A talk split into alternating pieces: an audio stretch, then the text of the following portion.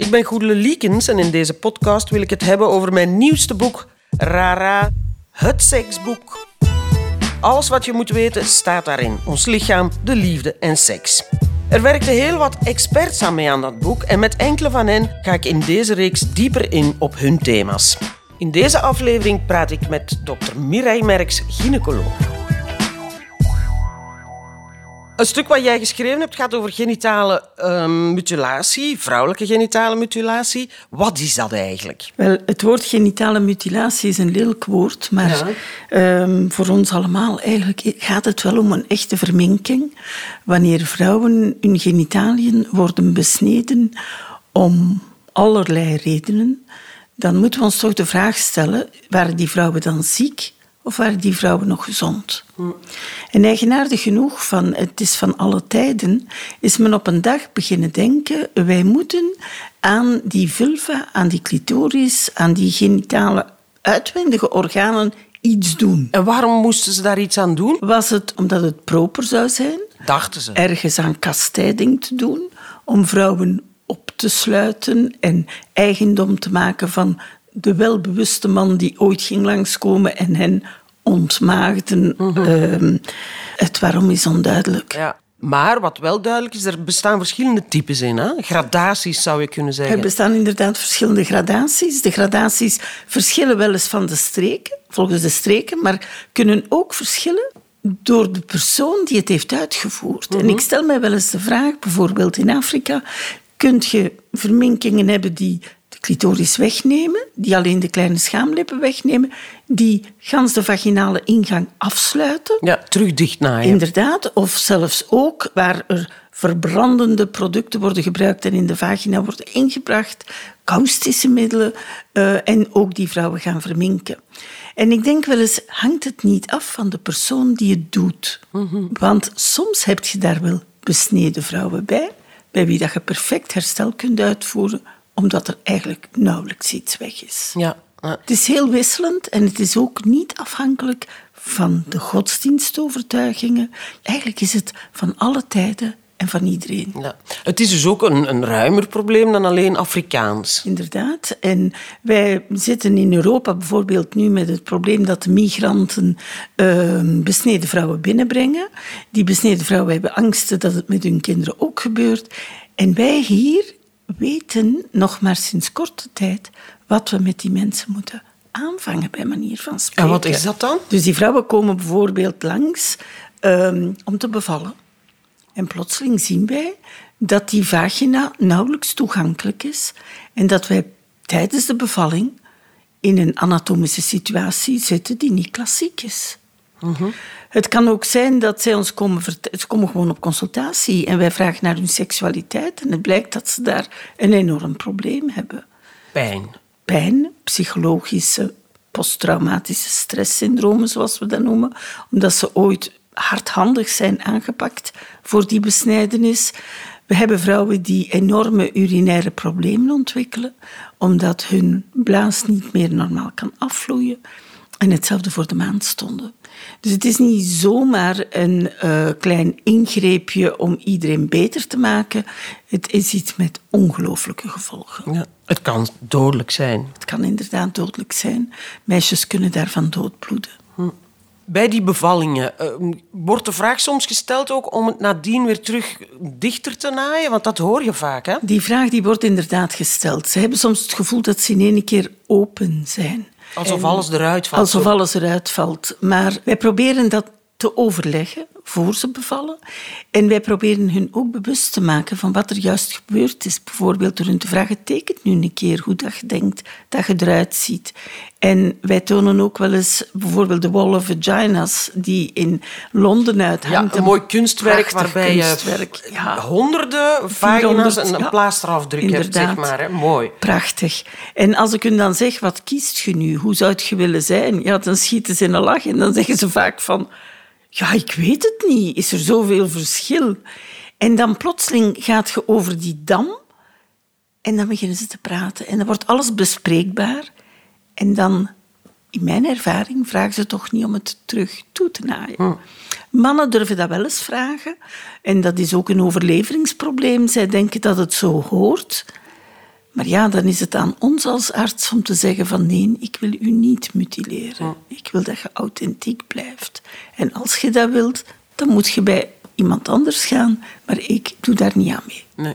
Volgens mij zijn artsen die dat doen, uh, zijn die strafbaar toch in dat België? Klopt. Er is inderdaad een wetgeving die zegt dat je de genitalen van een vrouw niet mocht beschadigen. En om niet-medische redenen. Om niet-medische redenen. En dan gaan we zelfs nog verder in de problematiek. Ik zeg wel eens, wij hebben een maatschappij die zich vaak nogal eens feministisch opstelt als het genitaliën betreft.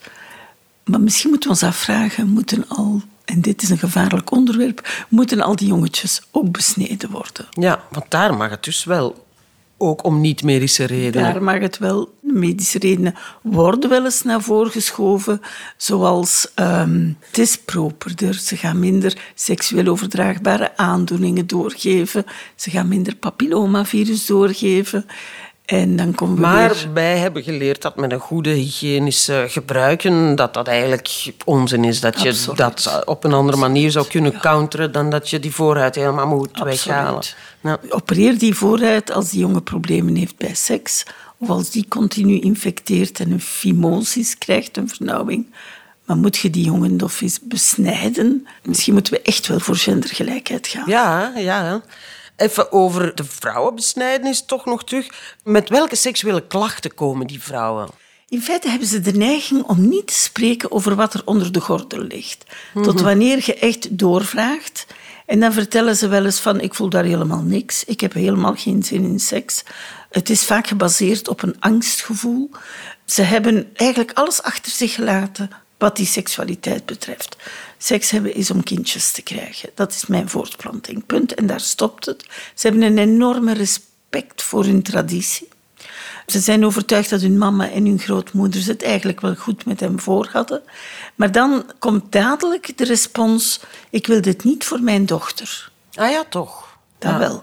Hun orgasme is vaak gebaseerd op een intimiteitsgevoel. Een gevoel van, ik ben betrokken bij die man, bijvoorbeeld, want ik hou van hem. En hij knuffelt mij en dat vind ik fijn. Dus het tactiele is belangrijk, maar het orgasme is er eigenlijk niet bij. Een studie in Afrika eh, door Catania, een Italiaanse dame, heeft aangetoond dat ongeveer 70% van die vrouwen geen seksuele belevenis hebben. Ja. Nochtans, want we we weten ondertussen dat de clitoris dat die uitlopers heeft intern. Maar als je met al dat trauma en misschien ook littekenweefsel daar genitaal zit, belemmert het dus toch het seksueel genot ernstig. Ze kunnen een urinoma krijgen op de clitoris. Dat is een soort van eh, zwelling, klein massaatje dat zich ontwikkelt. Wanneer je dat resekeert, kun je nog meer schade in de regio aanbrengen.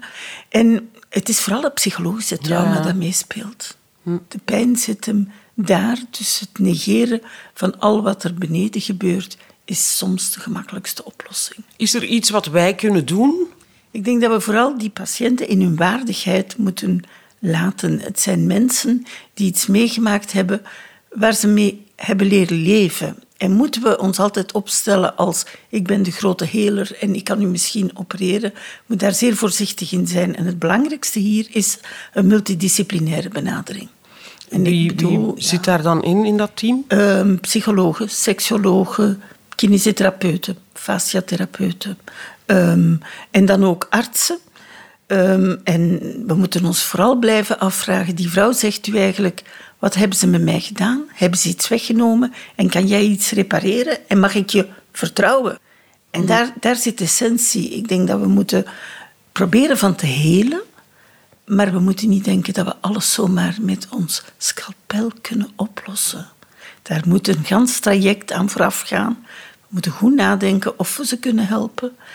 En wanneer we operatief ingrijpen, moet dat echt gecounterd worden. Nu, in België is er gelukkig inmiddels een forfaitaire ehm, toekenning van een bedrag voor meisjes vanaf 14 jaar om zich te laten behandelen tot wanneer ze ongeveer tegen de 28, 30 jaar gaan. Ze kunnen kiezen wanneer ze in het traject instappen. Stappen ze in het traject in, kunnen ze stoppen en hernemen. Ehm, en is er dus ook een financiële tussenkomst bij heelkunde? In Nederland is er geen enkele financiële tussenkomst, maar zijn er ook centra die zich bezighouden met reconstructies. Ja, dus dat gebeurt wel. Maar jij zegt eigenlijk nooit alleen de lichamelijke kant aanpakken, altijd in een, in een totaalpakket en een heel traject stapsgewijs. een holistische benadering eigenlijk. Ja. Duidelijk, dank u.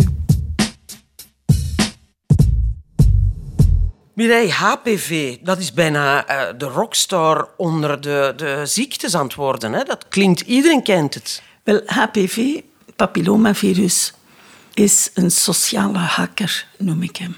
Papillomavirus leeft bij ons, is van ons, is al gevonden in de graven van de farao's. Het zijn kleine partikeltjes resistent aan droogte, aan zeer hoge temperaturen, zeer lage temperaturen. Taaibeestje dus. Ja, een taaibeestje dat in uw cel sluipt en dat net als een hacker uw pc verstoort, het genoom van uw cel, en dan komt er chaos. En die chaos kunnen vratten zijn en kunnen kankers zijn.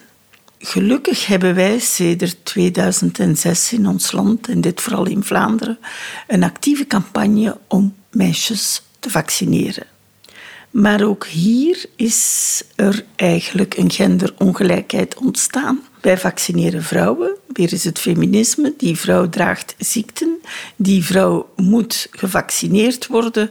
Maar de man kan natuurlijk ook wel de ziekte overbrengen. Hm. En eindelijk zijn we zover dat in ons land ook jongens worden beschermd door het vaccin. Wat mij betreft zou ik iedereen beschermen, maar natuurlijk dat kost veel centen. En centen, onze gezondheidszorg heeft daar behoefte aan.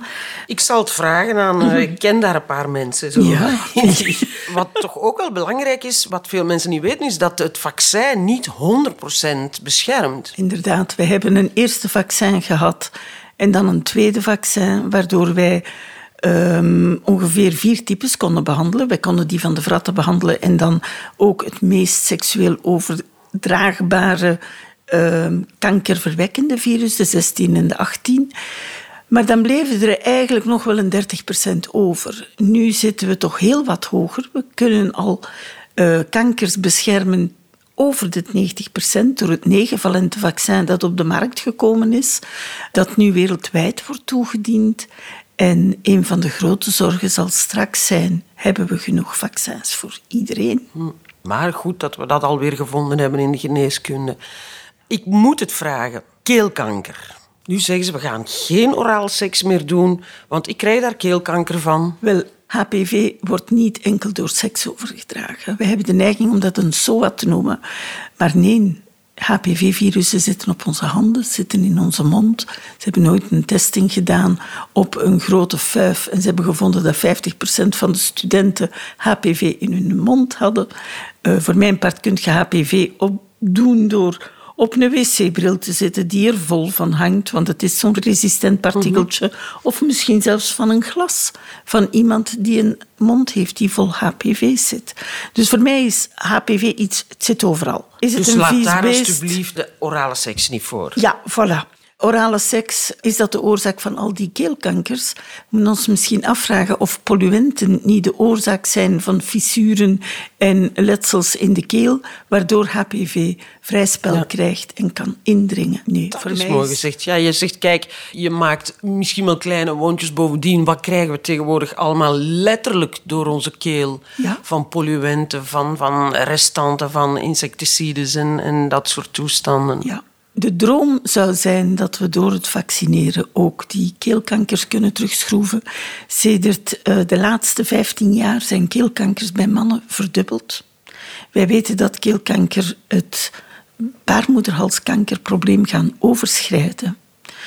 En het is hoog tijd dat iedereen zich bewust is dat we misschien wel veel meer moeten vaccineren dan we aanvankelijk gedacht hebben. Ik ga het voorstellen. Dank je wel. Het seksboek. De ideale cadeau voor uw lief en daar heb je zelf ook nog iets aan.